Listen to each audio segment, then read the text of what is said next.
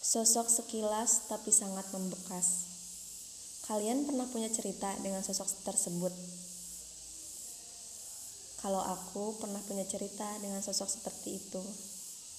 Ceritanya seperti ini. Beberapa saat yang lalu, tanpa angin, tanpa hujan, tanpa petir, tanpa direncanakan, tanpa tahu bagaimana ke depannya, aku dipertemukan dengan seorang sosok yang tak pernah aku tahu siapa dia, hidupnya, kebiasaannya, kesukaannya, dan segala hal yang berkaitan dengannya. Seingatku, aku hanya pernah bertemu dengannya beberapa kali. Ya, cuma bertemu, melihat, dan tak ada keinginan untuk mengenal. Bagiku, dia orang asing. Jadi, ya biasa saja.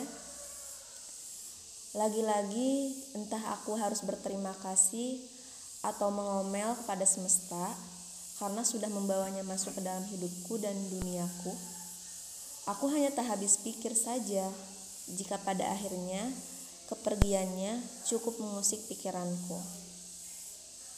Terlebih lagi jika tiba-tiba teringat momen-momen yang dilewatkan dengannya. Rasanya aku ingin merutuki diriku sendiri agar amnesia saja. Dia orangnya santai dan idealis, tapi sangat perhatian. Setiap kali berkomunikasi dengannya, rasanya nyaman sekali karena aku merasa obrolan kita sangat nyambung dan cocok. Bahkan, kami sering menghabiskan malam-malam untuk memperbincangkan tentang hidup. Ah, dia memang sosok yang asik untuk jadi partner ngobrol tanpa batas.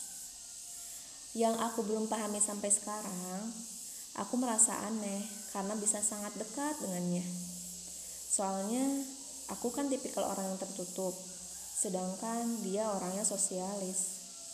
Sepertinya ini memang kerjaan waktu yang selalu ingin ikut campur.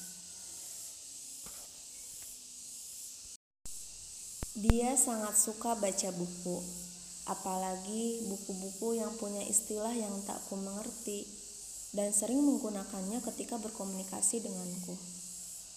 Aku memanggilnya sang pengguna bahasa langit.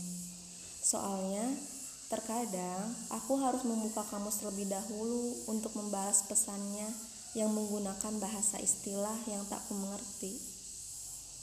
Dia memang suka sekali membuatku kesulitan dengan bahasa langitnya. Tapi aku suka. Tadi aku menyebutnya sangat perhatian. Ya, memang dia sangat perhatian. Karena sikapnya tersebut, aku juga jadi suka membuat kejutan-kejutan kecil tanpa sepengetahuannya. Semacam perasaan sayang, tapi sayang yang terbatas. Soalnya, kata bersama hanyalah ketidakmungkinan untuk kita, dan kita sama-sama mengetahuinya. Kita juga sering mengirim lagu sebagai pernak-pernik mengisi obrolan yang hampir habis ketika berkomunikasi. Tapi kalau dipikir-pikir, obrolan kita tak pernah habis, seperti ada lagi, lagi, dan lagi. Jangan-jangan ini juga kerjaan semesta yang membuat kita terus-menerus terasa bersama. Padahal kesimpulannya tak seperti itu. Semesta memang kadang menyebalkan. Setelah beberapa saat aku dekat dengannya, terbiasa dengan kehadirannya, terbiasa dengan semua hal baru yang dibawanya, terbiasa tak kesepian karena riuh dengan bualan-bualannya, terbiasa disayangi olehnya, meski aku tak membalas rasa sayang itu. Sekali lagi, aku dan dia hanyalah ketidakmungkinan, sehingga tak sedikit pun terlintas dalam benak bagaimana jika akhirnya kita memang bersama. Tapi nyatanya tak tak akan seperti itu sampai kapan pun, karena ternyata dia yang kuanggap hanya menunggalkan rasa sayangnya kepadaku. Sedari awal dia hanya menjadikanku rasa sayang keduanya. Karena yang pertamanya sudah terisi dan tertempati aku kecewa. Bukan, aku bukan kecewa karena dia menjadikanku yang kedua, bukan. Aku kecewa karena ceritaku dengannya dimulai dengan sebuah kebohongan besarnya yang tak pernah kusadari selama ini. Bohong adalah hal yang sangat aku benci, karena dapat menjadikanku sosok yang akan terang-terangan menjauhinya dan mengubahku menjadi sosok yang tak yang tak peduli dengan cinta. Ah, pokoknya menjadi hal-hal yang sangat rumit. Untuk yang kesekian kalinya, aku kembali dibohongi oleh seseorang yang kuyakini sebagai sosok ternyaman untuk menumpahkan segala keluh kesahku tentang hidup. Ternyata memang benar. Ungkapan orang yang paling dekat denganmu adalah orang yang paling mungkin melukaimu tuh itu memang benar adanya karena aku sendiri baru merasakannya. Tak mengapa, namanya juga hidup. Ada saatnya bahagia dan ada saatnya juga kecewa. Setelah kesalahan yang dibuatnya, dia tiba-tiba pergi menjauh. Padahal aku tak pernah memintanya untuk pergi. Mungkin dia tak enak karena telah mengingkari ucapannya. Tapi gak apa-apa. Aku beneran gak apa-apa tahu pas aku tahu dia seperti itu aku beneran gak apa-apa tapi kenapa ya dia malah pergi ya udahlah gak apa-apa setelah kepergiannya yang sangat mendadak, aku merasa hidupku sepi. Tapi aku juga tak bisa memintanya kembali, karena aku bukan sosok yang seharusnya ada di kisahnya. Kisahnya sudah ada yang menempati, dan bukan hal baik jika ia ingin kembali, sedang kisahnya sudah ada tokoh utamanya. Sedangkan tokoh utama tersebut tidak mengenaliku. Dan kalaupun misalnya aku masuk ke dalam kisahnya, akan menjadi kisah yang sangat rumit.